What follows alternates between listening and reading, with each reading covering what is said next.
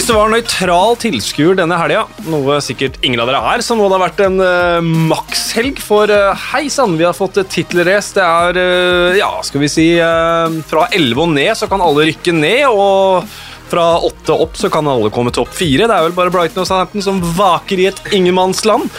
Så det er ikke sikkert vi kommer til å prate så mye om akkurat de to klubbene i dag. Uh, Harry Kane viste jo med full sin kraft hvorfor Chelle City lå langflate etter ham hele sommeren. Det var vel perfekt timet uh, vintage Kane-opptreden der. Tittelrace, som sagt, det er uh, på gang igjen. og selv om det var makshelg i Premier League, så har det vært en litt uh, uflyt morgen for meg personlig. Dette skal ikke handle om meg, men vi har hatt litt uh, gjestelogistikktrøbbel. Men når uh, krisen er størst, så er hjelpen nærmest, og rett etter oss så skal Fantasyrådet spille inn. Og Simen og Franco, dere stiller opp på kort varsel. Det er jeg veldig glad for, og jeg regner med at begge har trippelcappa Salah denne runden her. Eh, det har vi, Simen. Skal jeg kaste mikrofonen over til deg? Det kan du gjøre, vet du. Og takk for uh, uh, velkomsten. Vi satt jo bare på kafé rett utafor, så det var perfekt å bli med her. Uh, Triple Cap'n Salah tilbake i tittelkamp, så helga her er Det er klasse å være her i dag. Det er god stemning. Perfekt. Og med i studio altså Ken Vasenius Nilsen fra United Be Podcast. Ja, god helg for deg! Ja, ja, det er perfekt helg for alle som er glad i engelsk fotball, tror jeg. Ja. føler litt at det også var litt sånn at vi trengte det like mye som Harry Kane på en eller annen måte. Det var liksom, Nå var det endelig full runde. Ikke sånn avkorta, ingen av liksom, kamper som var utsatt eller avlyst. Føltes som bare nå ok, nå kan vi boltre oss eh, hele lørdag og store deler av søndagen. Mm. Og det har vi også gjort. Bare antall kamper i 16-runden ja. sier noe om hvor, her, hvor god helg kommer til å bli. Ja, og så blir jo liksom resultatene, som du sier, og, og, og in, både spenningen i toppen og egentlig bunnen var jo til å ta og kjenne Eller? Ta og følge på. Mm.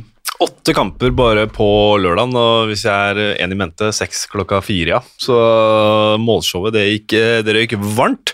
Vi, tenker, vi, kan begynne kronologisk. Det blir en bitte liten skruball til dere, gutter, men vi begynner med Westham Newcastle, som var den første kampen. 1-1 der. Jeg har sett i ettertid at Chris Wood gikk og mjaua på Kurt Zuma eh, hele matchen. Hva tenker guttene om det? Eh, I utgangspunktet først og fremst morsomt. Det er vel det første jeg tenker at det eh, hadde vært fristende å gjøre sjøl, eh, hvis man skal ut og spille mot Kurt Zuma akkurat nå. Mm. Eh, samtidig så har jeg skjønt at det kanskje ikke var liksom eh, Han prøvde jo å psyke ut Zuma, sannsynligvis. Mm.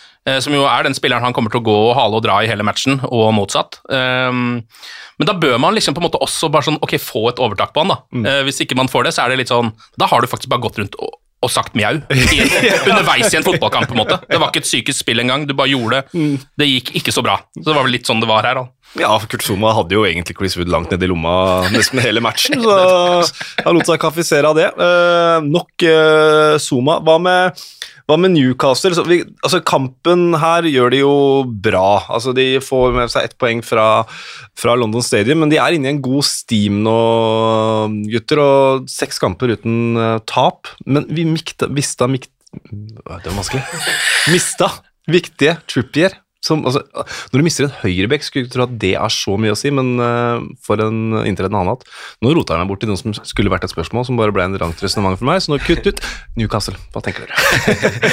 uh, jeg tenker at, som du sier, Espen, så er de jo De har jo nå, nå, begynner det jo å funke, da. Det som, og I United eller, og Arsenals for den saks skyld, så er vi jo mm. fornøyd med resultatet, at, at Westham mister poeng. Eh, for Newcastle sitt vedkommende så er jo, som du antyder, det er et større slag i trynet enn hva jeg så for meg at det skulle være mm. da de signerte Trippier. Jeg trodde jo Altså, altså, Når du ser på breddefotball i femte-sjette divisjon, så er det jo altså det er jo de hjulbeinte som spiller back, på en ja. måte. Så, så, jeg tenkte liksom at hvor viktig det. kan det her være? ikke sant? Ja, jeg gjorde det alle jeg, jeg også Espen.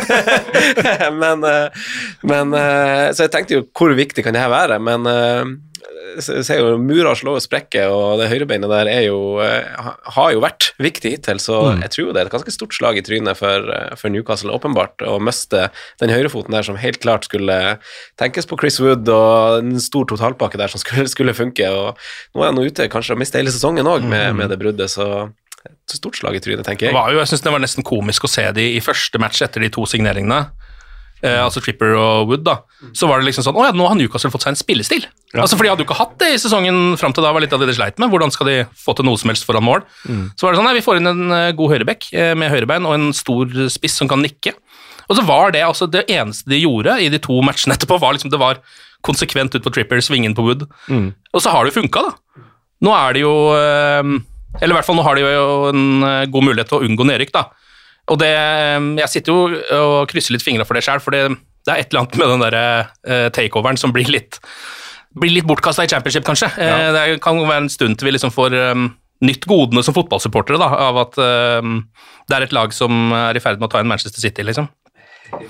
Ja, og så er det jo, i forhold til denne kampen som var nå også, så ser man at man bare preg av at uh, kanskje deres beste spiller, Maximei, også er ute, da. Han er jo kanskje en av få, så klart det er ikke noen spillestil, men å, lempe ballen høyt og satse på at han på en måte kjører og skaper en sjanse, det er jo vært store deler av det Newcastle har vært den, eh, det siste halve året, om Ja. ikke året. Så han er jo en fryktelig kul fotballspiller, og jeg håper egentlig man får se, se han på en enda større scene etter hvert også, så, men jeg tror vel kanskje at man bruker han til å bygge et lag rundt eh, etter hvert, og så får man se altså Man husker jo også Manchester City prøvde å bygge klubb. men Man får liksom ikke kjøpt de store store stjernene med en gang. Kieran Tripper er jo faktisk sånn Han er hylla over ja. det man kunne forvente, egentlig. Yes. Ja. Eh, Så, så er det det at han er høyrebekk og kanskje ikke kan gi så stor innvirkning på laget, men det er jo spennende med han eh, Bruno eh, Guimares, eller hvordan man uttaler det, også fra Lyon. da.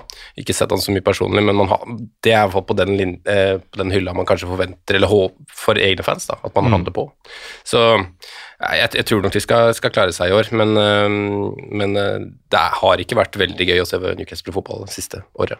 Nei, og vi har vært inne på mm, den mjauende Wood. Han har jo spilt fem kamper nå uten å skåre mål, og det er ikke sikkert det der trekket med å bare ja, vi kjøper den beste spissen til det andre båndlaget, og funker så bra. Vi skal komme tilbake til hvorfor etterpå. Eh, Men eh, Joe Willoch skåret sitt første mål. Han var jo helt vill eh, på våren i fjor. Eh, Godt gjort å få pirka inn den skåringen der. Westham det, det, det halter litt nå for, ja. for Moise og co. Altså. Det, Men var ikke det litt på overtid, egentlig? Ja? Altså, det laget er jo ikke Eller i hvert fall når man ser bare laget på papiret, da, så tenker man jo ikke at de skal være med å hevde seg liksom sånn, eller så høyt som det de kanskje har gjort. Nå, jeg har i hvert fall ikke noe forventning om det. Så jeg føler at det her er liksom nærmere det uh, Westham som jeg Altså den kvaliteten jeg så for meg de hadde, kanskje.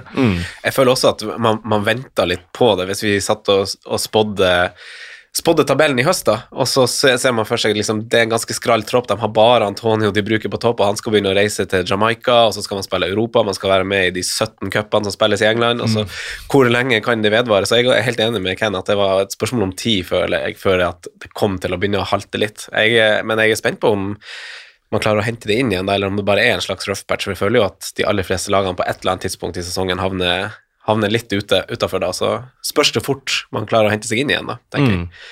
Og bakfra der så kommer eh, annet London, eh, ikke nabo, så i hvert fall eh, bysbarna fra Arsenal-stormene. eh, Franco, de slo Brentford 2-1. Eh, ganske overbevisende og greit, vel? Ja, eh, veldig. Eh, Så nå er jo Altså, jeg er jo veldig fornøyd med hvordan Arsenal, framstår for tida, og den kampen der er jo et godt bilde av det. At man, man klarer å vise at man klarer å, å kontrollere en kamp og ikke liksom stresse nevneverdig og sånn. Og jeg føler som supporter når jeg ser på det, at man alltid har kontroll. Og det som er ekstra gøy, er jo at vi ser jo hva engelske medier trekker fram i etterkant, og den store kampen som Ødegaard spiller den kampen her, jeg ser på, på statistikk og sånn, det er ingen annen, spiller, eh, bortsett fra De Bruyne, som har flere pasninger som treffer medspiller på siste tredjedel av banen enn det Ødegaard har, har mot Brentford, og det er vel kanskje en av hans beste kamper i Arsenal-trøya, så det var veldig, veldig gøy. Og, og trenden til Arsenal også er jo veldig fin. De har eh, de har kun seg sjøl å skylde på dersom de ikke får topp fire nå, og mest sannsynlig så sparker de jo bein på seg sjøl, de gjør jo det. Eh, men, men kampprogrammet også er jo litt i Arsenal sin favør, da. Eh, de, har, eh, de er ferdig med begge kampene mot City, eh, de har eh, hjemmekamp mot Arsenal, hjemmekamp mot Liverpool, eh, og så har de de hengekampene mot Tottenham og Chelsea, da, men bortsett fra Først og fremst er det veldig deilig å ha United og Liverpool hjemme. Mm. veldig deilig å være ferdig med City, og bortsett fra det så er de andre kampene ganske overkommelige, og så er man, som de andre lagene man konkurrerer mot, ikke med i noen andre konkurranser lenger. Eh, selvfølgelig er det kjipt å kanskje ryke ut av eh, FA-cupen, det syns man jo er en skuffelse mot Nottingham Forest, det er veldig skuffende, og ligacupen er litt sånn, jeg syns det er på en måte greit. Komme til semifinalen, røkke ut, og hvis man ikke vinner, så er det helt greit. Man får konsentrere seg om Premier League. Vi hadde jo forventning om å kanskje Altså I august så satt man og tippa Arsenal på sjette-sjuendeplass, og så endrer jo forventningene seg underveis i sesongen. Og, og nå har man hengt på topp fire, så nå er det jo veldig masse optimisme i, i klubben. Og det er nesten som det er Martin Ødegaard og, som, som er fanebærer for, for det toget her. Så det er veldig gøy. Det var jo eh, så det var noen odds som noen trakk fram i starten. altså Arsenal gjorde jo fryktelig dårlig i starten av sesongen. Det var vel en fire-fem kamper på rad der hvor de liksom ikke ble noe særlig poeng. Og da hadde de samme odds for å vinne ligaen som for å rykke ned. Ja, ikke sant? Eh, som jeg var litt sånn ok, og så var jeg litt usikker på hvis jeg skulle satt penger på henne. Jeg er jaggu ikke sikker på hvor jeg hadde satt heller, og da begynner det å bli eh, Men det er jo ganske imponerende det som har skjedd der. da, Det har snudd helt fullstendig. Ja, de var jo på 20.-plass altså i første landslagspausen etter de tre første kampene. Da var det jo mye greier. De hadde jo covid i leiren, og, og masse, det var masse tøys. Men eh, så klart, det så jo ikke, åpenbart ikke lyst ut. Men man så jo også fra oktober en gang så var kampprogrammet til Arsenal ganske fint, og man begynte å vinne kamper. Ikke veldig sånn overbevisende, det var vel en seier mot Norwich ganske tidlig, der 1-0 eller noe sånt, og Burnley. Eh, så da fikk på en måte det litt maskineriet i gang, og kanskje altså, det som bare var gode resultater, men ikke prestasjoner, ble etter hvert begge deler. Så kom man inn i en veldig fin flyt, og så har det egentlig bygd på seg eh, siden det. Så nå har man jo en ganske liten tropp, da, eh, med, i hvert fall eh, ut ifra hvis man skal dømme fra hva som er kvalitet. Så man har ikke rom for veldig mye skader, men eh, håper jo det vedvarer at man tar med seg flyten utover våren. Veldig kort om eh, Brentford. eh, tok jo Premier League litt med storm eh, mot nettopp Arsenal i den første kampen. Ja. og, men nå er det vel seks tap på de siste sju, og skal vi se De er fem poeng over streken, og et av de lagene som ser ut til å kunne rote seg ned i gjørma der nå. Vi venter fortsatt på Eriksen, riktignok. Ja, og så er det jo, som du sier, siste sju, men det er jo det dårligste laget i Premier League siste 20. Uh, Ja, ikke sant? Så trenden begynner jo å bli eh, ganske stygg, da. Ja. For det var et lag som, som du sier, sånn eh, mest med trøkk, kanskje, og engasjement. Men jeg husker veldig godt eh, Jeg husker ikke hvilken runde det var, med fem, runde 5-6-7, når de møtte Liverpool der, og hadde en tilstedeværelse som man nesten ikke har sett i Premier League, sånn fysisk sett. da, Vinner nesten hver eneste duell og skaper problem hver gang de lemper ballen opp. Eh, Men det virker liksom gløden er litt borte. Eh, Man sliter litt med å, kontrollere matcher i like stor grad. Man sliter, sliter med å skape sjanser i like stor grad.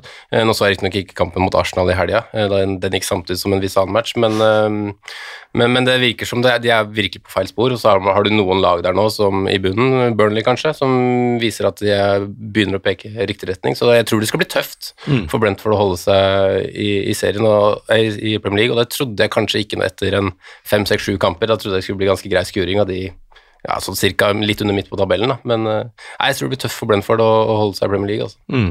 Arsenal vinner 2-1 takket være fanebærer Ødegaard med drillpiken, holdt jeg på å si, Smith Rowe og Saka som uh, stjeler overskrifter. Men eh, mens vi er inne på Brentford, så skal det sies at de har vært gjennom veldig tøffe kamper. Og hvis vi ser på kampprogrammet de har de neste tre, så er det jo dødsspennende. Altså, de har jo Newcastle, Norwich og Burnley som sine neste tre. Så det er jo veldig veldig spennende. Så det hadde vært veldig kult hvis Christian Eriksen kommer inn og, og får Og ikke, minst Ivan Towney tilbake har jo veldig mye å si. Han har vært ute i en rekke kamper nå.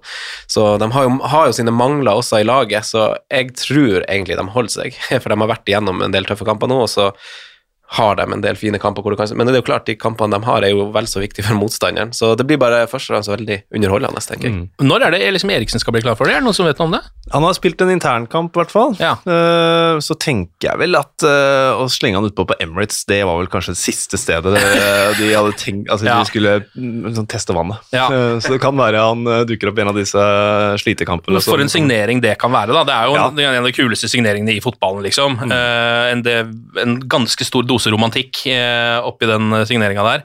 Eh, og Sist gang man så Christian Eriksen faktisk spille fotball, så var han jo på verdensnivå. Eh, vi vet jo ikke hvor han er nå, men det er jo uansett, kan jo godt hende at det blir en ganske viktig fyr for Brentford. Mm.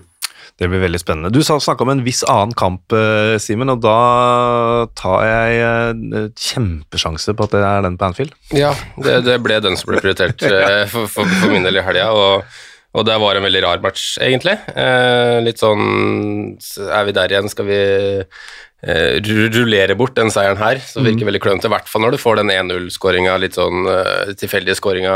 Litt sånn passiv forsvarsspill, men riktignok en ganske uheldig skåring med at den får en ganske tydelig deflection, og alle sånne er, er helt ute av spill. Men, uh, men uh, man skaper jo nok også før skåringen til å egentlig avgjøre det her, og så gjør man noen grep ganske rett etterpå, rett etter skåringen, og har uh, snukampen ganske fort, da.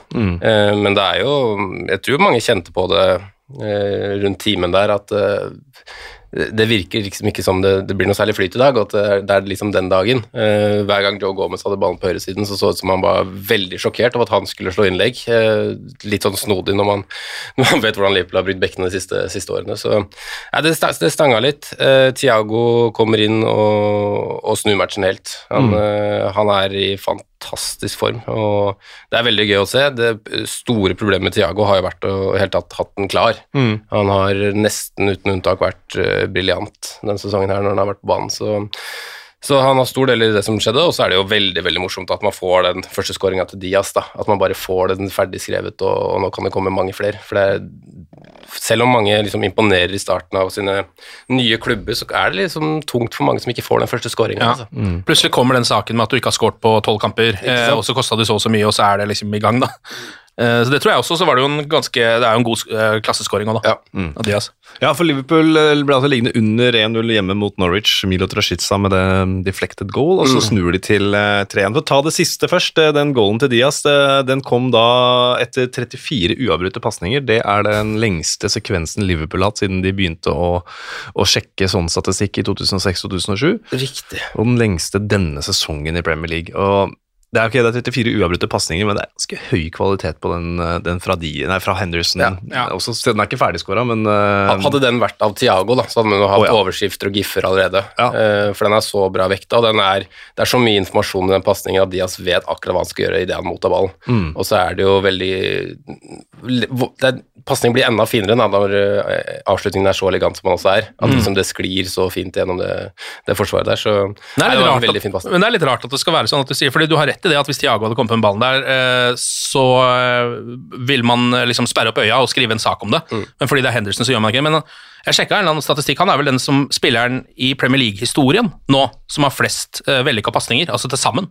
Jeg tror han tok over en eller annen Gareth Barry-rekord eller et eller annet sånt nå. Eh, så det at, eh, man, at han treffer på en sånn pasning er jo egentlig ikke noe overraskende i det hele tatt, men kanskje derfor man liksom også bare er sånn Ja, det var bare Jordan Henderson som traff på nok en pasning, han treffer på alle, så det Mm. Ingen som å bry seg, liksom. Jeg, jeg tror mange, veldig mange tenker Jordan Henderson som enten støttepasning eller en, en vridning motsatt, på en måte. Ja, Men, det er jo mange av de, og det er derfor han leder Ja, ja, den statistikken. absolutt. Eh, Og så har man vært litt sånn i eh, Han har liksom gått ut og inn av fansens eh, hjerte. Holdt jeg på å si, hjerte, det blir feil å si, for han har alltid vært godt likt, og, den der, men han har liksom vært fra en favoritt. Nå skal du sitte litt på benken fordi vi er for gode, og så skal du inn igjen fordi du er den beste. ikke sant? Han, han hopper litt sånn opp og ned i, i hierarkiet der, men, eh, men han, har, han har veldig mange ferdigheter, og han, Jordan Henderson også, som ikke alle skryter av hele tiden. Mm. Ja, Helge Rydningen eh, vil at du skal skryte av den gulbrune høyrefoten til Thiago. Det har du gjort allerede, Simen. Men han spør om Liverpool har vel ikke hatt en slik pasningsfot siden Shabi Alonso. Er du enig? Ja, det er utvilsomt. Eh, han er uh, Altså, det tok litt tid med Thiago, uh, men jeg husker liksom debut, fra debuten uh, om Chelsea borte, hvor han kommer inn og eh, han, han har vel flest pasninger på banen og spiller 45. Ja. Uh, og så er det det der evige skademarerittet som han har hatt, som vi også visste om. Så kan man også godt diskutere det i forhold til hvordan det blir med om han var bedre enn erstatteren, eller om han var viktigere for Liverpool enn erstatteren, med tanke på at Barnaldum var der hver helg. Han var der liksom kamp inn, kamp ut. Thiago har vært veldig mye borte. Mye er jo uheldig, mye er uh, som man kan forvente, men uh, når han først er på banen, så er det han er så magisk å se på, da. og Jeg har nesten ikke sett sentral midtbanespiller med den basisferdighetene som, eller de basisferdighetene som Thiago har. Eh, Og han er blant de aller, aller, aller, aller, beste i, i ligaen. Liverpool knapper inn eh, på Manchester City, eh, som jo tapte sin kamp. Vi har ikke prata om ennå, men det skal vi. Norwich blir ja, ned på sisteplass. Det er faktisk bare to, ett av to plassbytter på tabellen denne runden. Der, faktisk. Det var bare Westham og Manchester United som bytta plass, og Burnley og Norwich. Uh, Kim Krekling Sandum han skriver nå har dere skrytt av City hele år. Ja, det vet sikkert. Naturligvis ikke ufortjent, men kan det tenkes at det er to lag som er så godt som like gode? Ja, om noen uker så kan det tenkes, men per nå så sier tabellen at Manchester City fortsatt er best, men det er ikke Ja. sikkert det forblir sånn. Men sånn uh, ut ifra mitt inntrykk, som er sånn Jeg er jo en Manchester United-supporter som følger Premier League eh, tett, uh, og ser alt det der, så er det sånn jeg um, har liksom ikke uh, Når jeg har sett på tabellen, så har jeg ikke skjønt at Liverpool kunne ligge så langt bak City. Som det de gjorde, for det har virka som de har hatt en veldig solid sesong. da, Og City det samme, selvfølgelig. Men jeg bare, nå syns jeg eh, liksom, in, mitt inntrykk stemmer mer med tabellen, sånn som den er nå. Nå er det eh, tre poeng og eh, eller en kamp mer og noe greier for ja, Men i hvert fall det er fortsatt en kom kompliserte greier. Men det er i hvert fall nå, er, um, nå blir det um, Nå blir det race. Nå Ja. blir det tittelrace. Og det er jo litt fint å se. da. Og det er en internkamp eh, på Etihad. Eh, Har du oversikt over når den er, Simen? 9. april, tror jeg. Ja, ja. regna med regna med- med jeg kunne stole på Vi, deg. vi sjekka faktisk det i stad, tror jeg, så, men jeg tror det var 9. april vi ja, Ja. Jeg var og prøvde å, å, å vise meg at jeg hadde lyst på noen billetter til den matchen der, så vi får se om vi får til det. Det er hun ikke aleine om. Uh, vi, har, uh, vi tar en kamp til, vi, før vi må sende dere av gårde til egen innspilling, uh, gutter. Og det er kampen om topp fire-racet, den andre kampen på søndag. Wolverhampton mot Leicester.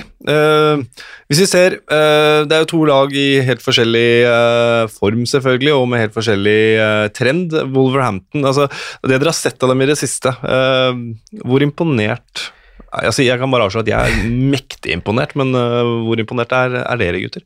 Ja, de har jo først og fremst gått veldig under, uh, under radaren egentlig hele sesongen. Uh, den defensive statistikken taler jo for seg. De er jo eh, altså de er vel bare underlegen City når det kommer til en rekke underliggende statistikker, og er jo veldig, veldig bra. og man skulle vel kanskje tro at uh, i forkant av sesongen at det er disse to lagene som møttes her, at de skulle nesten ha bytta plass. hvilket trenerskifte og hvilket Leicester-lag man trodde skulle krangle om Champions League. Uh, så det er jo en stor skuffelse hvordan det går med Leicester, men Wolverhampton veldig under radaren. De, hvis de vinner sine to hengekamper, så er de jo A-poeng med, med United, som nå ligger på fjerdeplass. Eh, så, så hvis de bare klarer å først og fremst kanskje skape de sjansene som gjør at de omsetter litt mer enn det de har gjort hittil, for de skårer veldig lite mål, Ja. eh, så, så kan vi jo begynne å snakke litt. Men nå går de også inn i, eh, inn i en litt fin rekke med kamper av Wolverhampton som gjør at man kanskje at de fort kan puste de her større klubbene litt i nakken eh, på, på våren, tenker jeg. Og Ken, jeg tror jo vi kan eh, frykte, frykte Ja. ulvene utover her. Jeg begynner å gjøre det allerede, jeg. Ja, ikke sant? Eh, både når jeg ser eh, de spiller mot f.eks. United og liksom de andre topp fire-lagene, så er det eh, De er jo på høyde, og kanskje noen ganger bedre også, så det er liksom ikke noe Det er ikke tilfeldig at de ligger der de ligger, heller. da. Nei.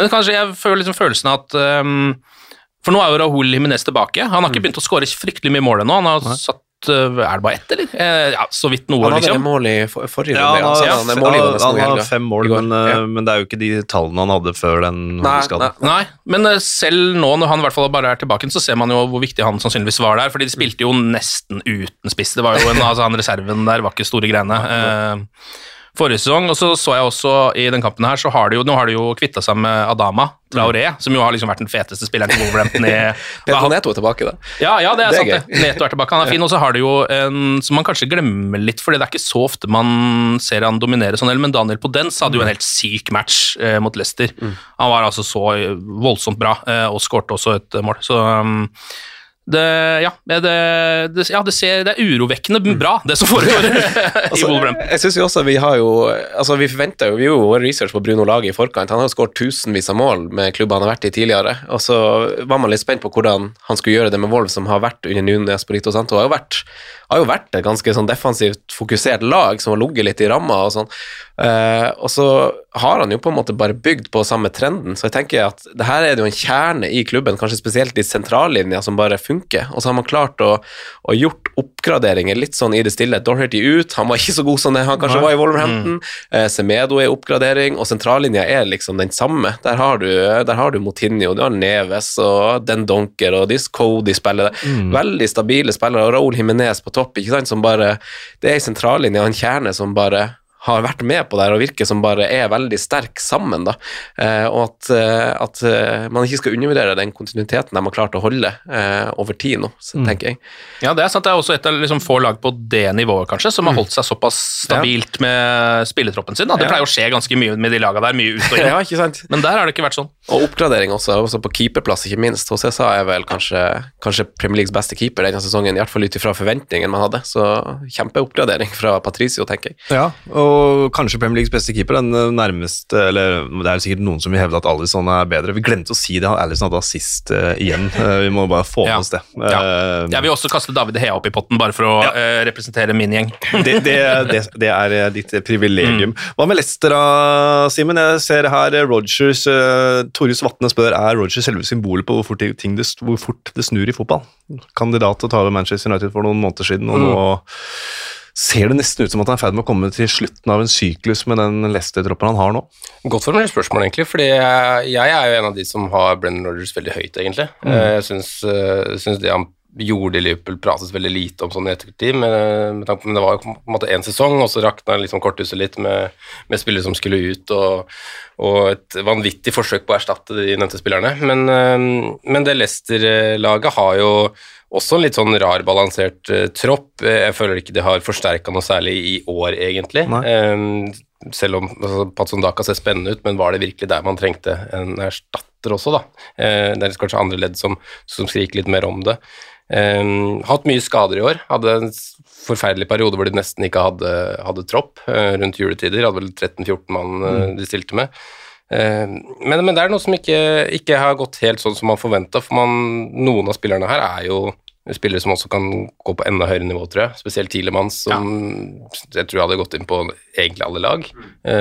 kanskje ikke fast, men liksom, jeg tror han er god nok for alle troppene. Eh, og så er det noe som liksom ikke stemmer helt. Da. Nå har Jusper Hall plutselig kommet inn og spiller, spiller fast. Jeg hadde liksom ikke sett for meg at, de, at spillere liksom skulle miste plassen sin så ofte, og det har vært mye fram og tilbake med rotasjoner, så, så det er noe som ikke stemmer der. Mm. Um, Jamie Vardys rolle visste man vel kanskje skulle bli litt mindre, i hvert fall når vi nevnte Daka kommer inn, men nei, det er noe som ikke er um, så, så, som eh, Jeg vet ikke helt hva jeg skal sette fingeren på her, men det er, føler det er mye som ikke stemmer med, mm. med Leicester. Apropos Jamie Vardy, eh, så tror jeg Wolves-fansen, hjemmefansen i den matchen var ganske fornøyd med at han verken skårte eller at eh, de vant, for sist han Um, var på mållinja og spilte mot Wolves, så skårte han jo. Gikk rett bort til hjemmefansen og kjørte ulvehylet. oppe til bunnen, kongen av shithousery i Premier League. Han leverer alltid på det der. Tenk deg, Westham og Newcastle skal, nei, Westham og Leicester skal vel møtes. Han kan ha med seg såpebobler på matchen og bare ja. blåse de opp på tribunen når han scorer. Altså og med kattekostyme. Ja, ja, ja. Det er ikke helt, helt utenkelig. Uh, bra. Da, jeg, altså jeg putta Leicester i den der, bare for å avslutte den matchen, er Leicester i den der kategorien kan rykke ned, jeg nå. De har 27 poeng, det er 9 poeng ned til Watford. De, de kommer antakeligvis ikke til å rykke ned, men de er heller der enn ja. ingenmannsland uh, topp, så det er en skuffende sesong for Leicester sin del. Slår seg sammen med Southampton og Brighton, og blir en sånn treenighet på midten som ingen uh, vil røre? Ja, og Villa, tror jeg. Jeg tror kanskje de fire ja. der kan bli uh, dritten i midten etter hvert her. Simen og Franco, tusen hjertelig takk for at dere var med her. Det her var oppløftende, kjempegøy og supert å ha dere med. Bare si fra når du trenger noen på kort, uh, kort, varsel, så stiller vi. ja, glimrende. Takk skal dere ha, gutter. Takk, Espen. Da har vi gjort et uh, lite sceneskifte. Ut av studio har Simen og Franco gått. Ken, du er fortsatt med meg. Hallo. Og nå er du også med uh, direkte på telefon, Erik Torstvedt. Det er jeg. Hei og hå. Hei og hå. Litt seint fly i dag, var det sånn? Ja, men øh, jeg hadde en syv og en halv timers forsinkelse på fredag, så dette var ingenting. Det blir bedre. ja, det er bedre. Uh, tilbrakt helgen i eh, Premier League-studio. Vi kan begynne med uh, den store matchen på søndag. Manchester City-Tottenham. på lørdag, var det vel? Ja. ja. det er riktig. På lørdag. Der ser du. Der, du følger bedre med enn meg, Erik. Harry Kanes store dag, eller? Ja. Eh, jeg ser det noen som spekulerer i om dette er hans beste Premier League-match noen gang. Han hadde ikke så mange touch. altså Det, det var jo et uh, ryggen mot veggen-match for, Tottenham i store deler av greier. men når han da hadde ballen, så gjorde han noe fornuftig og fantastisk med han omtrent hver gang. Så jeg syns det var en stor stor uh, match. da. Det har vært mye snakk om at han dropper dypere, og dette er et problem, og de vil ha han mer på en måte på oppe der og ligge og, og stange på seg grensa, men, men, denne gangen gjorde han jo alt. Altså, og helt fantastisk. Nei, det var, det var en enorm match. Jeg mener det er en av de, de beste Premier League-matchene noen gang. Altså. Det, det, var helt eh, en, sånn, en sånn kamp du husker. Ja, og kulminerer jo med en 3-2-skåring fem minutter på overtid etter utligning på overtid, uh, Ken. Ja. Uh, Nei, det var jo en, eh, var en, drøm å sitte og følge den kampen her. Det var jo generelt en Premier League-helg med opptil flere gode kamper, kanskje spesielt to, som var litt sånn Sånne kamper man bare ser, ser, en sjelden gang, da, som er det man drømmer om hver gang man skrur på TV egentlig og skal se en match. Mm. Og spesielt, altså Jeg ble altså så imponert av Harry Kane at det um, det var, Hvis jeg hadde vært uh, ung gutt nå, og det der var en av de første kampene jeg så, så hadde jeg vært Tottenham-supporter. Jeg tror ikke det er noe, altså sånn, Da er det Kane-drakt, liksom. fordi det å se en mann dominere en kamp på den måten. og liksom på en måte Litt som Erik var inne på, så har han han er ikke så mye involvert i den matchen, for Tottenham ligger jo og kontrer, Uh, klassisk kontestyle, um, hele matchen. Men hver gang han har, eh, får ballen, så gjør han ting som jeg tror veldig mange altså det, um, veldig mange spillere selv på øverste verdensklassenivå hadde ikke klart å få til det der. Liksom. Uh, han har vel én, så vidt jeg kan huske, og etter hvert så begynte jeg å legge merke til det fordi han traff på absolutt alt. Mm. Og da er det å få med seg ballen i fart forbi noen, bruke styrke på én mann, slå en helt perfekt gjennombruddspasning på sånn uh, eller på Kulusevski. Uh, og han gjorde vel, det var vel én gang, tror jeg, hvor han slo en feilpasning. Litt sånn halv delvis pressa da også. Så det er, um, det er, så høyt nivå på det. Og så er det deilig at det kommer nå, da, når man har begynt å betvile noen av Harry Kanes ferdigheter, kanskje. Mm. Er han fortsatt på det nivået? Er han mett? Mm. Uh, vil han vekk? Alle de tingene. Kan fortsatt hende alle de tingene til en viss grad stemmer, men uh, du ser jo fortsatt at hva han kan levere, da. Ja, enorm, enorm, kontrast. da, Han satt jo eh, var vel, om Jeg vet ikke om han var på Tottenham Hotspur Stadium engang, på serieåpningen, men da var jo kokte det som verst. så Det er den eneste Premier League-kampen han ikke har spilt, det motsatte oppgjøret. og Så kommer han inn her Erik, og viser akkurat hvorfor Manchester City lå så langflate etter ham. Ja, og jeg tror jo altså Det var jo en ydmykelse det han gjennomgikk eh, i sommer, da, når det ble klart for han at han hadde lagt godt all in på å tvinge seg vekk, og at det ikke kom til å funke. Og da, da, tror jeg at det er veldig vanskelig å ikke bli preget av sånn. En mann som har blitt universelt hylla, alltid har blitt løfta fram. Og så plutselig er det folk som begynner å slenge drit om deg mm. og kaller deg for sneik og masse sånt. Det, det, det påvirker deg sannsynligvis. Han gikk gjerne inn i en liten minidepresjon der, men, men tydeligvis ute av han nå, da.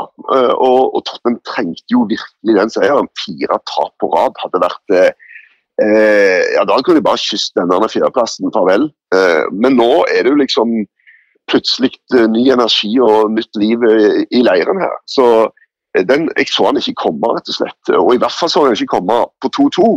Og da er det altså en, en fyr jeg jobber med i Bergen som greier å sette penger på Tottenham-seier etter 2-2-skåringen.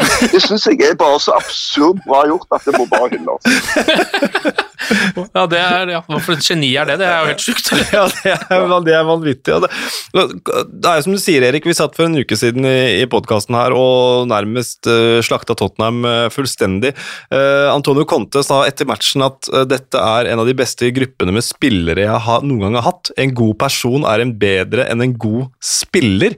Det er jo interessante toner fra Konte også, tenker jeg, da. Ja, og et uh, nytt sett av toner fra en fyr som har sagt ganske mye om den spillerstanden. Ja. og alt har ikke vært like rosende, for å si det sånn.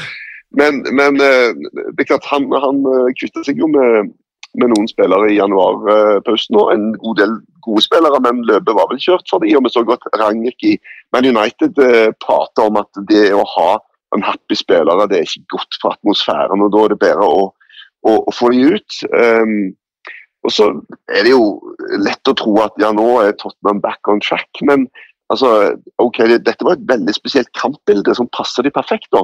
Nå er det Burnley, og Burnley de slo Brighton 3-0 eh, nå sist. og mm. de, Da var de gode, altså. Da var de tilbake på det som vi vet at Burnley er på sitt aller beste. Det er en helt annen type kamp igjen, da. Så får vi se om de takler det. Ja. Uh, en liten stat fra den kampen. Son og Kane har nå kombinert for 36 Premier League-skåringer. Da er de på par med Lampard og Drogba. Mm. Og det er en vesensforskjell her, at de er på par til tross for at de ikke har spilt for et tittelvinnende lag. Så en enorm kombinasjon der. Hva med Manchester City? Gundogan sa etter kampen at muligens er dette her en eh, god eh, wake-up call for oss. Ja, jo, det altså Eh, det som jo er litt merkelig med dette, at man eh, før den matchen der, så da har Tottenham altså, ja, det er vel tapt tre på rad, skal inn borte mot eh, den suverene ligalederen, på en måte. Allikevel så eh, sitter jeg med en slags følelse at Tottenham fort kan vinne dette, bare pga. spillestilen deres. og Jeg har sett dem mot City før, og de har liksom hatt godt tak på dem, da, på en eller annen eh, rar måte. Så det er det her sier på en måte eh, både noe om Premier League, hvor gøy det kan være. at det er sånn, Du vet faktisk ikke hvem som vinner eh, av de to lagene, selv om hvis du ser på alt av form, og alt mulig sånn, så er det ikke noe tvil om at City skal ta den. da. Mm. Men de har jo en spillestil da, som gjør at de hva skal man si, legger seg litt sånn laglig til for hugg noen ganger. altså Noen ganger blir man litt overraska over at det, at det gjør det så vanskelig for seg selv, da, som jeg får inntrykk av, uten å være, liksom, en, ha noen særlig eh, kunnskap om hvordan det er å være manager. Liksom. Så jeg skal ikke gå opp mot Pep eh, og prøve å si noe han skal gjøre, men jo, de har jo så fryktelig mye ball. De har eh, så voldsomt mange angrep i løpet av en kamp, eh, på mange trekk, hvor de står og ruller og surrer litt. Og så begynner jeg noen ganger bare sånn Ok, de, de, har jo, de spiller jo uten spiss.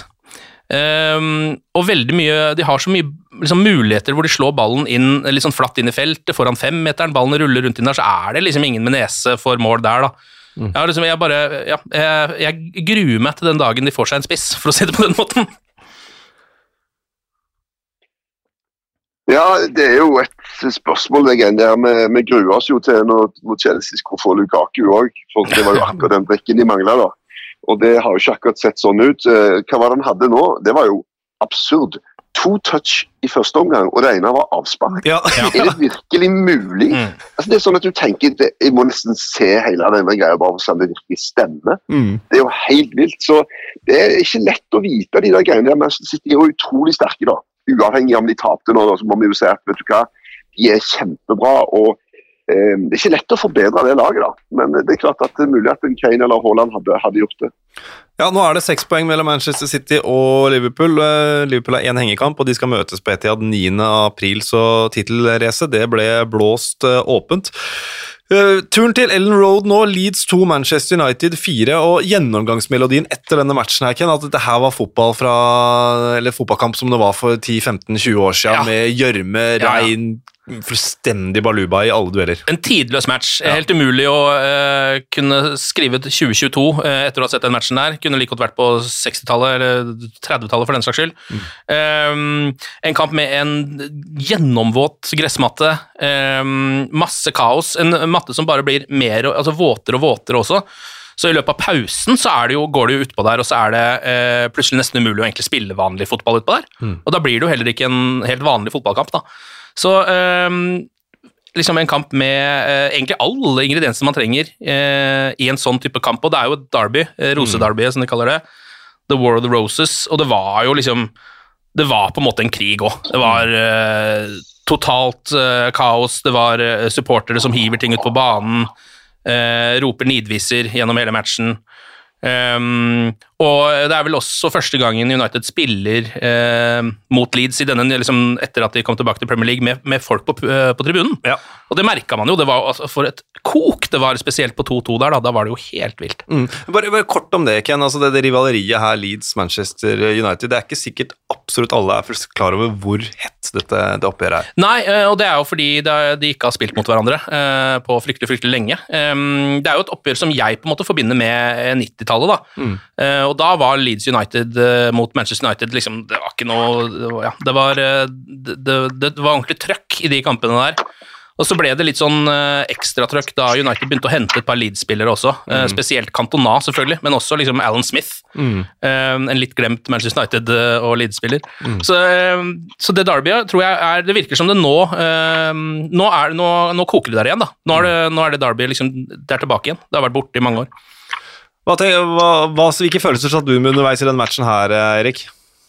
Nei, bare eh, glede, rett og slett. Det var bare til å lean back and enjoy. Det var som om det var 22 huleboere som uh, rava rundt på banen med svær treklubba i neven hver og bare villige til å kakke hverandre i skallen hva tid som helst. Og Det er litt show. altså Det minner meg litt om den der, sånn som satt litt standarden for det greia der. Det var den ganske kjente Chelsea-Tottenham-kampen på Stamford Bridge, når mm. Leicester vant ligaen og Tottenham fortsatt hadde mulighet til å faktisk å vinne hele greia. Men Chelsea hadde bare forbanna seg på at det skulle i hvert fall ikke skje. Det var bare sånn totalt rått. altså Helt inn til beinet rått. Og Det er et eller annet som er sånn fascinerende når du ser at på en måte altså, Det som heter liksom eh, taktikk, eh, klokskap altså på en måte blir strippa vekk og bare handler om rå mann mot mann-greie. altså. Det er enormt stas. altså. Men eh, jeg tror det er bra at det ikke er sånn hver gang. For det, det kan jo fort tippe. altså. Både på tribunen og på banen. og, og Det må jo gi dommeren eh, ros her for at en kom seg gjennom uten alvorlige skader og uten rød kort. Ja. Og det eh, er i grunnen hans fortjeneste. Altså. I hvert fall det med røde kort, for han kunne jo fort ha delt ut noe. Ja, han la jo en veldig høy linje fra starten av der. Det var litt som om han måte, tenkte at dette her var Eller han hadde forstått at det var et derby, tror jeg. Mm. Um, og at det fortsatt var kok mellom eh, både supportere og spillere i de to klubbene der. Da. Det var veldig bra. Um, men han kunne selvfølgelig det kunne lett ha uh, bikka over også. At det ble masse skader. I hvert fall når det er så vått uh, og kaotisk som det det var. Men uh, heldigvis gikk jo alt bra, og det var 11 mot 11 hele veien. og deilig. Mm. Ja, Robin Koch måtte gå av groggy der. og Det var, Ja, det en- der, altså. det var en, ja, At han spiller videre, Ja, det ja, det som, altså, du ser jo Ja. at han blør jo som en gris der. mm. Scott McTominay var på den, og han hadde et par til, så Ja. den som var nærmest å ryke tidlig, det var vel Scott McTominay. Ja, og han hadde også en ganske svak match, faktisk. Um, men ja, han, han kjempa nå utpå der, han òg, som alle andre. Mag- Maguire uh, slår tilbake etter masse kritikk, får uh, skåringen sin, og så er det et ellevilt uh, 60 sekunder for Leeds i, eh, i andre omgang, eh, Erik. Og det, den stemningen som var på Ellen Road da, det er noe knapt vi har sett maken til eh, den sesongen der.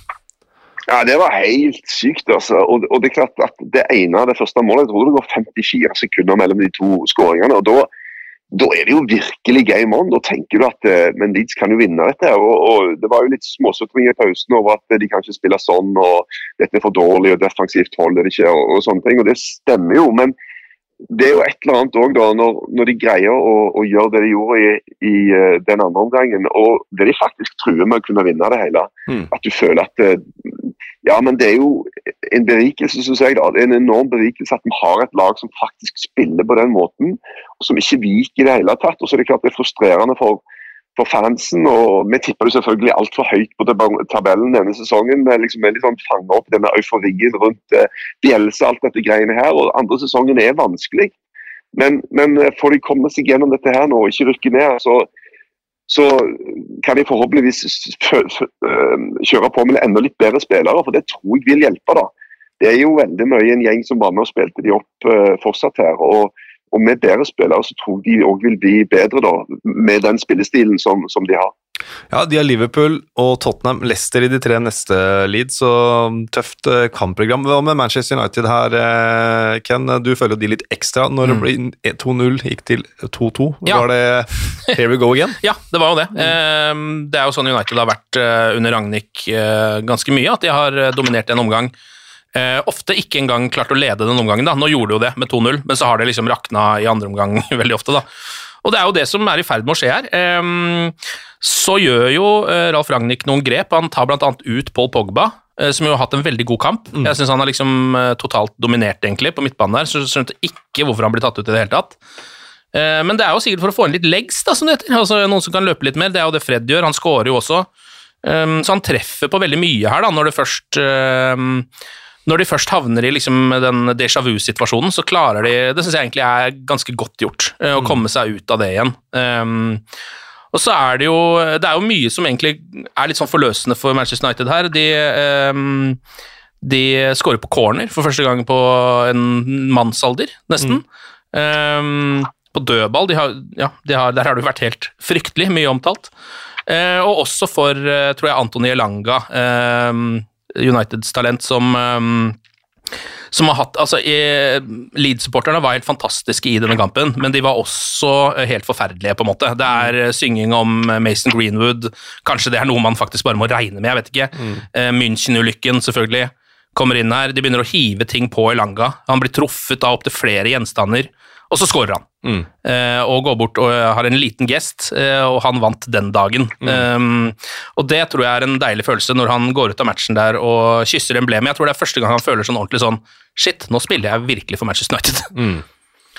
Ble jo syndebukken i FA-cupen også, så, Ja. men det her er det United-supporterne kommer til å huske Ailanga fra denne sesongen. Ja, absolutt. Um, og jeg tror den hel, altså sånn, Heldigvis så var det såpass tidlig i FA-cupen at jeg tror liksom ikke noen kommer til å altså Jeg tror ikke An- Anton Elanga er en sånn som tar med seg den sånn spesielt lenge videre i karrieren. ikke. Men Manchester United opp på fjerdeplass, eh, da må de prøve å, holde den ut. Det er jo det det handler om nå for eh, de røde djevlene. Det, vi, Erik, vi har allerede snakket om uh, Lukakus to touch i første omgang. Eh, det holdt allikevel til seier for Chelsea 1-0 borte mot eh, Palace, men den satt langt inne, Siers, i det 89. minutt.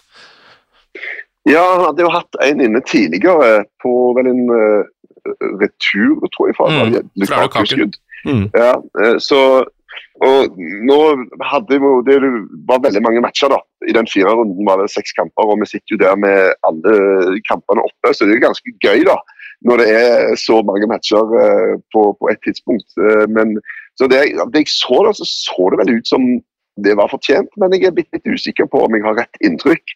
Men eh, viktig, da, for at eh, nå, nå vant jo mm, hele gjengen baki der. Så, så Chelsea skal jo ikke føle seg 100 trygge heller da, på at de kan bli tatt igjen. Så Sånn sett så var de tre poengene sabla viktige. Ja, Thomas Tuchel var litt opptatt etterpå at eh, det her var første Premier League-kampen deres på fire uker, og de tre neste kampene deres Ja. er ikke Premier League-kamper heller, så det er liksom noe med uh, Ja, de skal spille ligacup og Champions League og Eller FA-cup, ja, og FA-cup. Så han snakka noe om kamprytmen, at rytmen er annerledes i Premier League. Det er klart, det kan ha noe å si, det òg. Ja, det kan jo det. Altså, skulle tro at en kamp var en kamp, men det er klart å spille, reise og spille mot Palmeiras er ikke det samme som å spille mot Crystal Palace, liksom. Så det blir, eh, blir på en annen måte. Eh, Men eh, det er det som er utfordringen når du er på et topplag. At Mm. det blir mer kamper, det blir annerledes type kamper, det blir ulike typer forberedelser. Og det er bare en sånn greie som en må ta. da. Så eh, det er liksom eh, Du blir jo et offer for din egen suksess. at Dess bedre du blir, dess vanskeligere blir det jo mer og mer utfordringer. da. Mens lista ligger skyhøyt, og folk tror bare at du skal være dritbra uansett. Og jeg synes jo med den covid-greia vi hadde, og særlig det kampprogrammet som var da rundt juletider og, og før det, så syns jeg at det er fair at vi rett og slett gir spillerne litt mer slack. på at eh, Nå har de spilt sabla mye, og det har vært mye sykdom, og de må kanskje spille i en posisjon som de ikke er så vant med. Og at vi må ikke forvente at alt skal være øverste hylle hele veien. Nei, selv om det har gått lang tid mellom matchene, så har faktisk Hakim Sier skåra i tre Premier League-kamper på rad. Ja, jeg tenkte å nevne det. Han har, han har vel endelig ankommet, kanskje, eh, Mm. Premier League sånn ordentlig. Um, og ikke bare har han skåret, men det har jo vært avgjørende mål òg. Hvor han køla han i krysset her nå, forrige Premier League-runde, var det vel. Mm, mot Tottenham. Ja, eh, og den her helt på slutten. Ehm, så ja, han er en å regne med. Jeg hadde tenkt å putte ham på den kvota for liksom, eh, folk fra det Ajax-laget, som aldri ble det de skulle, men Ja. det, det kan vi bare glemme nå. Dag Heine Tomre han eh, spør, vi har vært inne på det, for vi bare tar det avslutningsvis på den matchen her. Virker som Thomas Tuchel har bestemt seg for å spille med Lukaku til det funker. Er det rett? Om det er rett, det er jo Ja, det er nesten helt umulig å si, men det er jo forståelig, da. Mm. all den tid de har brukt masse penger på han, eh, og man vet hva slags nivå han egentlig har inne. Eh, og så har det jo vært mye rart med han, da. Nå var han jo um, ute her og skulle ønske han spilte for Inter bare for noen måneder siden.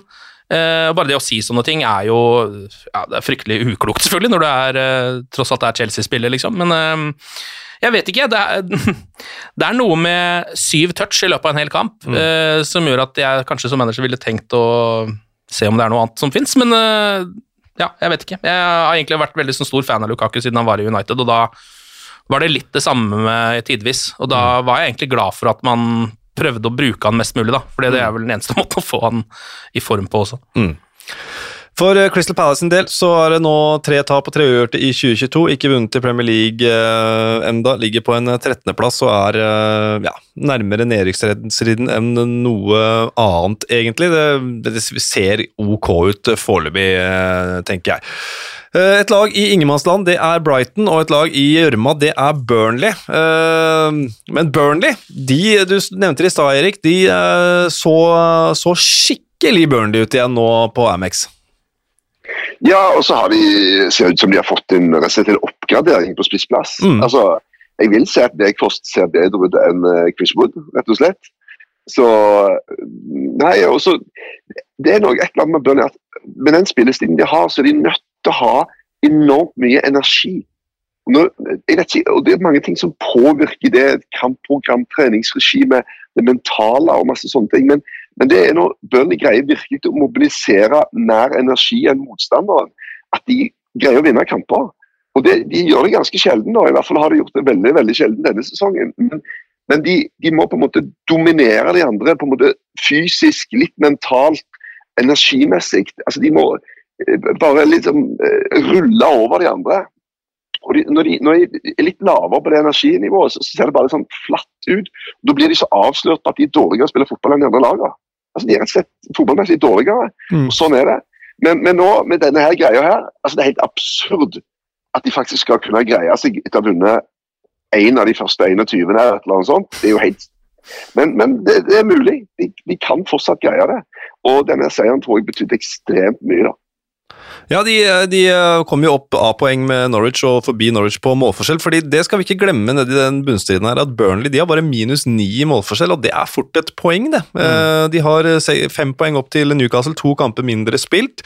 Walt Weghorst, som vi har snakket om nå, Ole Martin Spår Ole Martin Skaar spør kan Weghorst være mannen som skiller nedrykk og overlevelse for Sean Dyche, og sånn som vi sitter her nå, så er vel svaret på det klink ja. ja. Mm. Han kan jo det. Eh, fordi det er jo Altså, eh, Mål har jo alt å si i fotball, men eh, når du ligger på bunnen av tabellen, så har det enda mer å si. For du skårer sannsynligvis enda sjeldnere, og de få måla du skårer, er direkte avgjørende for de kampene der, liksom. Så det er det ikke noe tvil om, og jeg er egentlig litt enig med Erik. Jeg var jo har ikke sett Vegårs så mye i Wolfsburg, der han kom fra. men jeg trodde jo at det å selge Chris Wood skulle være et dårlig valg, fordi mm. han har vært Burnley på mange måter, såpass lenge, da. Men det ser ut som det der eh, faktisk er en, ja, en ørliten oppgradering. Akkurat nå, i hvert fall. Ja. Gått ut uh, vel 12 millioner i pluss på den uh, switchen der, med Wood ut, Veggård inn, og kan fort være skilnaden det. For Brighton sin del så har de nå to strake tap, tapte mot Manchester United og taper her. Befinner seg i dette berømte ingenmannslandet på niendeplass. Og Eh, hvis de klarer å skrape sammen en 12-13 poeng til, så vil de uansett eh, antageligvis ha sin beste Premier League-sesong noensinne. Så ja. Potter gjør fortsatt en kjempejobb. En annen som litt sør i landet som gjør en god jobb, det er Ralf Hasenhyttel, Erik. Har fått ordentlig Nå får de resultater i tillegg til til alt jeg vil si min gunst. Jeg er jo veldig, veldig glad i Ralf uten at det spiller så stor rolle. Ja, de, de, ser enormt gode ut akkurat nå. Det har jo vært litt sånn blaff før, og de har hatt gode perioder. Men det er veldig sjelden du ser Southampton spille en, en hel god sesong. Mm. Det er jo ikke så ofte. Men um, nå er det jo sånn at folk begynner å snakke om han som kan han være noe for Man United og sånn og, og videre og så videre. Men det er klart at hvis du går inn og ser den totale seiersprosenten til Hasenhüttel, uh, så er ikke den veldig høy. Og jeg ville nok vært litt skeptisk til å uh, satse på det. Eh, men eh, for det er jo noen ganske stygge skraper i lakken òg, da. Ja. men, men, men, det er klart at utgangspunktet er jo ikke all verdens. De har jo ikke så høyt budsjett osv. Så, så, videre, så akkurat nå må vi jo si at ting er, har jo aldri vært Jeg kan ikke huske sist ting så bedre ut for Southampton enn de har akkurat nå. De må jo bare nyte det. Mm. Fire seire, fire øver til ett tap på de ni siste. altså Tapet kom mot et råsterkt Wolverhampton-lag. Mm. Og Shane han har venta lenge ja. på, på scoring. To år siden Shane Long scora sist! Er det to år, ja? To år, ja, ja. I Premier League. Ja. ja. men Da var det jo greit å se han tilbake på skåringslista igjen. Mm. Um, jeg vil jo også liksom Hvis vi skal snakke litt om Everton, da. Det skal vi. Uh, fordi, kan de rykke ned, spør uh, Frank. De kan jo det. Mm. Um, og så er det jeg bare synes det er, det er en fryktelig skuffende sesong av Everton. Jeg syns liksom det eh, spillematerialet der ser bedre ut enn det de har uh, klart å prestere. da. Nå er det um, ja, jeg vet ikke. Det, jeg syns det er litt rart at den klubben ikke er liksom litt mer med å hevde seg i Premier League nå på det nåværende tidspunkt. Mm. Ja, det er Enorm kontrast der med Everton også. Vanvittig stemning på Goodison Park forrige runde når de, når de vant uh, eh, 3-1, og så drar de til uh, Southampton. Og Lampard sa etter kampen Erik, at spillerne må forstå at uh, vi må vinne andre baller, vi må krige, for det her holder ikke. Nei, men jeg lurer nå på om det der trøkket som det nå ser ut til å være tilbake på Goodison, om det kommer til å være nok. altså. Mm. At de kommer til å ha nok kamper på hjemmebane, i hvert fall de greier å mobilisere og, og få nok poeng. Uh, men det har vært veldig sånn uh, enten-eller de første kampene her for, uh, for Lampard. Um, og, og, altså, Everton har vi jo pratet om før, men hele greia er jo nesten en farse.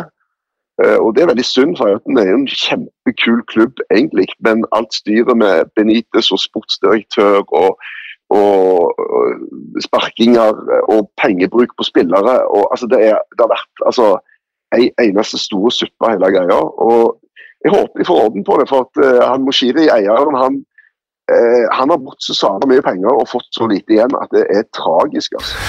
Så der kan det nesten bare gå én vei, og det, det, håper jeg ikke er ned. Men at det går faktisk oppover etter hvert.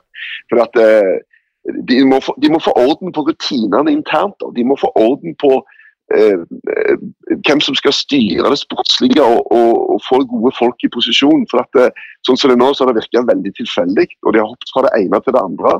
Og det har vært nye folk inn hele veien og penger ut. Så det har vært, og så er det en ny stadion på gang, da. så det er gode ting òg i horisonten. Men eh, akkurat nå så, så får vi bare håpe at Frank Lampard greier å stabilisere det, og at de bruker neste sesong i Premier League forhåpentligvis til å, å, jobbe seg litt oppover. For at det, det er ikke verdig klubben Everton akkurat sånn som det er nå. Det er det jo nesten litt skummelt også. At det, altså det er jo alltid bra med ny stadion på gang, men man vet jo at det pleier å følge liksom en fire-fem år med eh, litt eh, mindre sportslige penger Mm. etter noe sånt. Det er ikke sikkert det er det Everton trenger akkurat nå. Nei, og de trenger poeng, for de er bare fire poeng eh, foran eh, Watford, som ligger under streken. De har Manchester City, Tottenham og Wolverhampton i de tre neste. To av de på hjemmebane, så de trenger eh, Goodison eh, Park. Apropos Watford.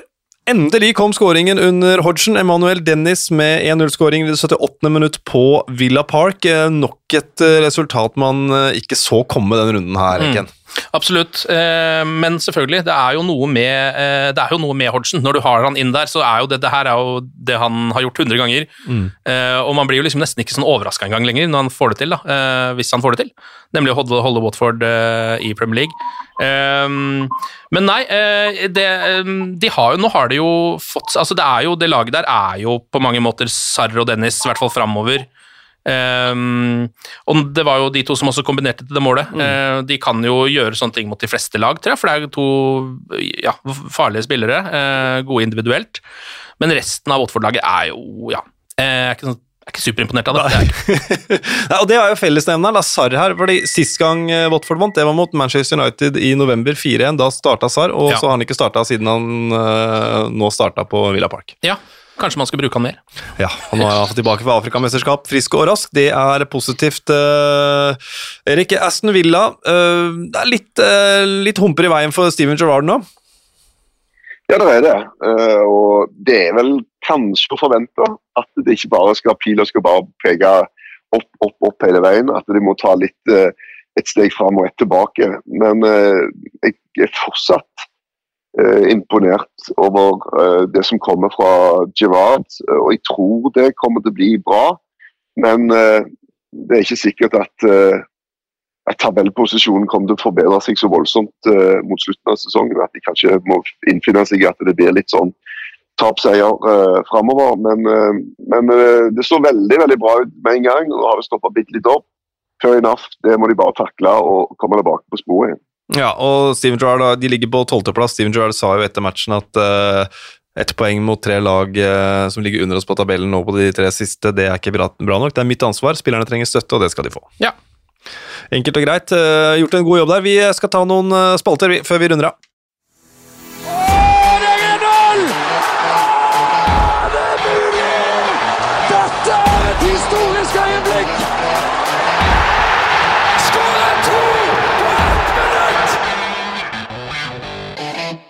Yes. Uh, ukens øyeblikk, da må vi vel enten på Etihad eller Ellen Road, tenker jeg. For uh, jeg må nesten kaste ut Harry Kane i 95. minutt uh, Ja. som nøytral mann.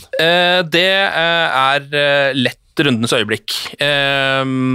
Fordi den kampen var helt spesiell, og når, man, når den blir avslutta på den måten, når banens beste setter inn et ja, fortjent eh, eh, tre poeng, kan man jo diskutere selvfølgelig en sånn kamp med det kampbildet der, men uansett, det, var, det er fotball eh, på sitt aller, aller beste når det skjer.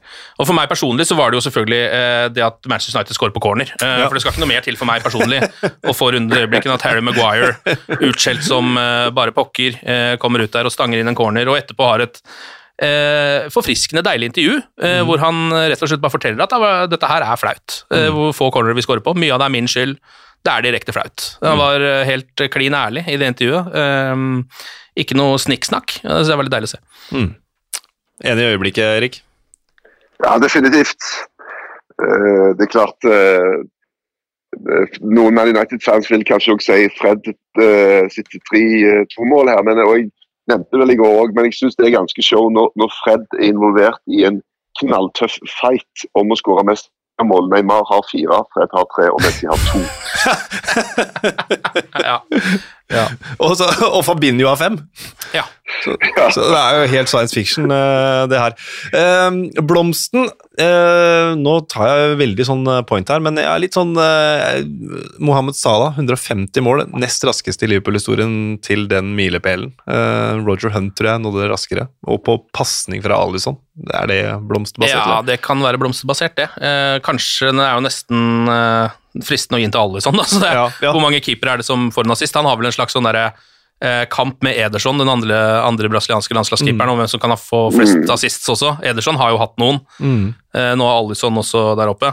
Eller så er det jo også rett å, bare, lett å gi den egentlig samme sted også, og bare si Harry Kane for én match. Ja. Uh, ja. Og så har du òg en sa Shane har slitt altså to år lenge. Ja. Det går to år uten å skåre. Det er ganske lenge. altså. Det kjenner du gnager bitte litt i sjelen når du går og legger deg i kveld.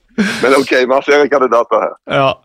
Hva med eh, kaktusen, da? Hvem uh, har gjort seg uh, negativt bemerket? jeg, vi har snakka om han allerede, men eh, syv touch Romelu, eh, Lukaku det, ja, det er jo det laveste noen spillere har hatt noen gang siden man begynte med denne målingen. Eh, så vidt jeg har skjønt. Altså, Det fins ikke spillere som har hatt færre touch på en ball noensinne, så vidt, mens de har målt det, da, Nei, nei. i Premier League. Um, så så det, det, da snakker vi jo om altså, Man bruker jo uh, uttrykket å være usynlig, uh, og så tenker jeg alltid sånn det er han jo ikke, du ser jo at han er det, men det, her, det gjorde man faktisk ikke. altså. Du så ikke at han var der. Det var ene han gjorde, jo- ble jo da annullert også, han hadde jo en, egentlig en slags assist der. Ja. Ja. Men vi må jo eh, kritisere Crystal Palace litt òg, for hadde de skåra, så hadde hun fått flere touch med avsparkene, tenker jeg. Ja. Ja, for det var jo der han hadde sine fleste touch. Så.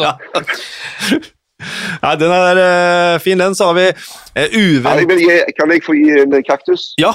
Uh, Og den er litt seriøs, for at det går til den Leeds-gjengen som driver og hiver ting. Altså, det er et økende problem i engelsk fotball. Ja. Se, se til andre land, hva som skjer. Det er farlig når, når publikum, store folkemengder, begynner å ta seg til rette. og Det er tendenser i England nå til at vi ser at dette blir vanligere og vanligere med folk som stormer banen, kaster ting. Det, altså det der må en slå knallhardt ned på, og, og det, en må rett og slett bare kutte det ut. For det der kan gå skikkelig ille av gårde. altså. Så nå i fødselen så må det kveles. ja. Da sender vi kaktusen eh, så i lende. Ja. Den ukjente, uventa helten den uh, runden her, da. Her er, det var så mye som skjedde denne helga at jeg har liksom ikke klart å bite meg merke i noen som jeg ikke hadde forventa skulle stå fram. Jeg- Jeg lurer på om, altså, ikke bare for denne runden, men litt sånn for generelt i det siste, så er jo Wout Weghorst uh, vært for meg en litt uventa helt i Burnley. da Han var bra mot Manchester United også. Da fikk de med seg poeng. Uh, han som hadde assisten i den matchen. Eh, og han er jo en litt spesiell type, eh, Wout Weghorst, fordi han er jo eh, vaksinemotstander. Eh, og har vært ute og skrevet det i sosiale medier. Eh, og da fikk han jo et litt sånn rykte eh, blant de klubbene som ville kjøpe han, for han har vært bra i Wolfsburg. Så var flere som, altså Nå endte han jo opp i Burnley, som egentlig er litt, sånn, uventa i seg selv. For det var nok klubber som er enda litt grann større, da, som var ute etter han, men så kom han med den uttalelsen her. ehm, og det er klubber vært ganske opptatt av, at de vil at spillerne deres skal vaksinere seg. eh, fordi de vet jo da at eh, hvis de kjøper en uvaksinert spiller, så plutselig er han syk veldig lenge. og har fått eh, viruset, f.eks. Uh, så det var visst med på å avgjøre at han endte opp i Burnley. For Burnley er visst en av få klubber som ikke er så opptatt av det. Ja. Så vidt jeg har skjønt, som ikke er liksom ute og um, Hva skal man si og um, har en slags sånn skanning av spillerne, da, Uh, hvordan de står når det kommer til vaksiner. Så han kunne nok ha endt opp i jeg vet ikke, i Serie A eller et eller annet annet sted, hvis det ikke var for det her. da. Eh, nå er han i Burnley, eh, og selv da han kom dit, så var jo noen litt kritiske, jeg blant annet, og tenkte at Wood kanskje er bedre. Ehm, men nå har han jo allerede, er han jo med på å kanskje holde dem oppe, da. Vi får se. I Burnley er de mest opptatt av at uh, spillerne tåler vind, regn, og i dette tilfellet at en midtstopper kommer i 100 km i timen og kjører knærne i ryggen på deg. Det må du tåle. Ja, Ja. Er du spist på Burnley, så må du bare ta den. Han starta jo også med blåveis eh, mot United, husker jeg, i første, liksom, da Ja. han var på banen igjen. Så det var, hadde vært røft på treningsfeltet eh, i forkant der. Og så er han jo også, eh, hvis man skal se på Burnley-spisser, så er han jo på papiret en oppgradering, for han er jo høyere enn Chris Wood. Og han starta EM-kamper for Nederland i fjor sommer, og nå Ja er han på Turf Moor, så det er jo en eh, reise, det òg. Det. Hva med eh, Vi skal bare, bare helt på tampen. eh, Vi har jo liksom spådommer her eh, som kan faktasjekkes. Jeg, mine har gått eh, raka veien åt skogen det siste. Jeg sa at Brighton skulle slå Manchester United. Jeg har sagt at Andy Carroll skulle erstatte Chris Wood på Turf Moor, så jeg treffer dårlig om dagen. Eh, har du, Ken, et eller annet som, du, som du, du tror kommer til å skje i løpet av de før sesongen er slutt? Oh, ja, før sesongen er slutt, ja. Kan være neste runde, og kan være et resultattips, eller Ja, um, ja hva, hva i alle dager kan det være, da? Ehm, det er altså, eh, det er, jeg synes jo er- Nå er jeg kanskje pleier å være litt for kritisk mot Manchester City. Det er, eh, jeg bare må si det med en gang, det er det beste laget i England. liksom. Så det, jeg, Derfor føler jeg at det er lov å være litt, eh, kødde litt med det òg, for det er å sparke oppover. Men kan vi ikke hive ut en liten, eh, en liten Manchester City choker, da? Kunne ikke det vært spennende? Eh, altså Nå har de leda den Det har vært egentlig ganske sånn av, oppe og avgjort at de skal vinne ligaen i år. Selv om Liverpool også har vært bra. Nå eh, var det en li, et lite feilskjær mot, eh, mot Spurs. Liverpool eh, holder stø kurs. Kommer til å bli spennende inn. Hadde jo, eh, er jo er i hvert fall gøy å hive ut der, og at det blir så, spennende såpass lenge, og at Liverpool liksom tar det i siste serierunde eller et eller annet sånt noe. Jeg liker sånne, sånne historier liker jeg alltid. Ja, Liverpool vinner ligaen, er det du sier, Ken? Det er jo på kanskje det jeg sier, da. Ja. Erik, har du Det er, jo, ja. det er jo ikke verre enn at de bare altså, Du kan jo egentlig se at Liverpool har det i egne hender. fordi at eh, Vinner de nå midtuka, så er de tre poeng bak. og Vinner de da på Etihad, så, så, så har de jo tatt igjen City, så går det på målforskjell. Så, så hvis de bare vinner sine kamper, så, så blir de jo egentlig mestere. Mm. Så det er, det er veldig eh, kult alt som skjedde i helga, og gjorde jo òg at spenningen bare ble skrudd opp på 11 her. Så det var veldig bra. Eh, Min spådom eh, er veldig nær og eh, litt sånn planke.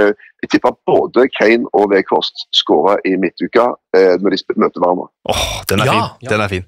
Jeg eh, tipper at Everton kommer til å befinne seg under nedrykksstriden på et tidspunkt. Jeg sier ikke at de rykker ned, men de kommer til å befinne seg under nedrykksstreken på, på et tidspunkt.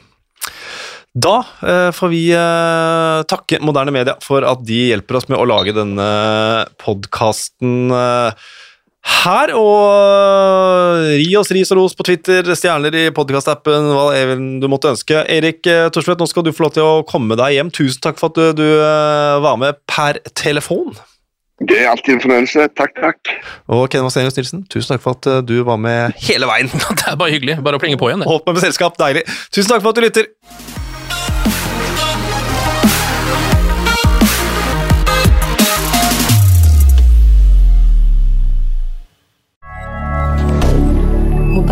milliardaire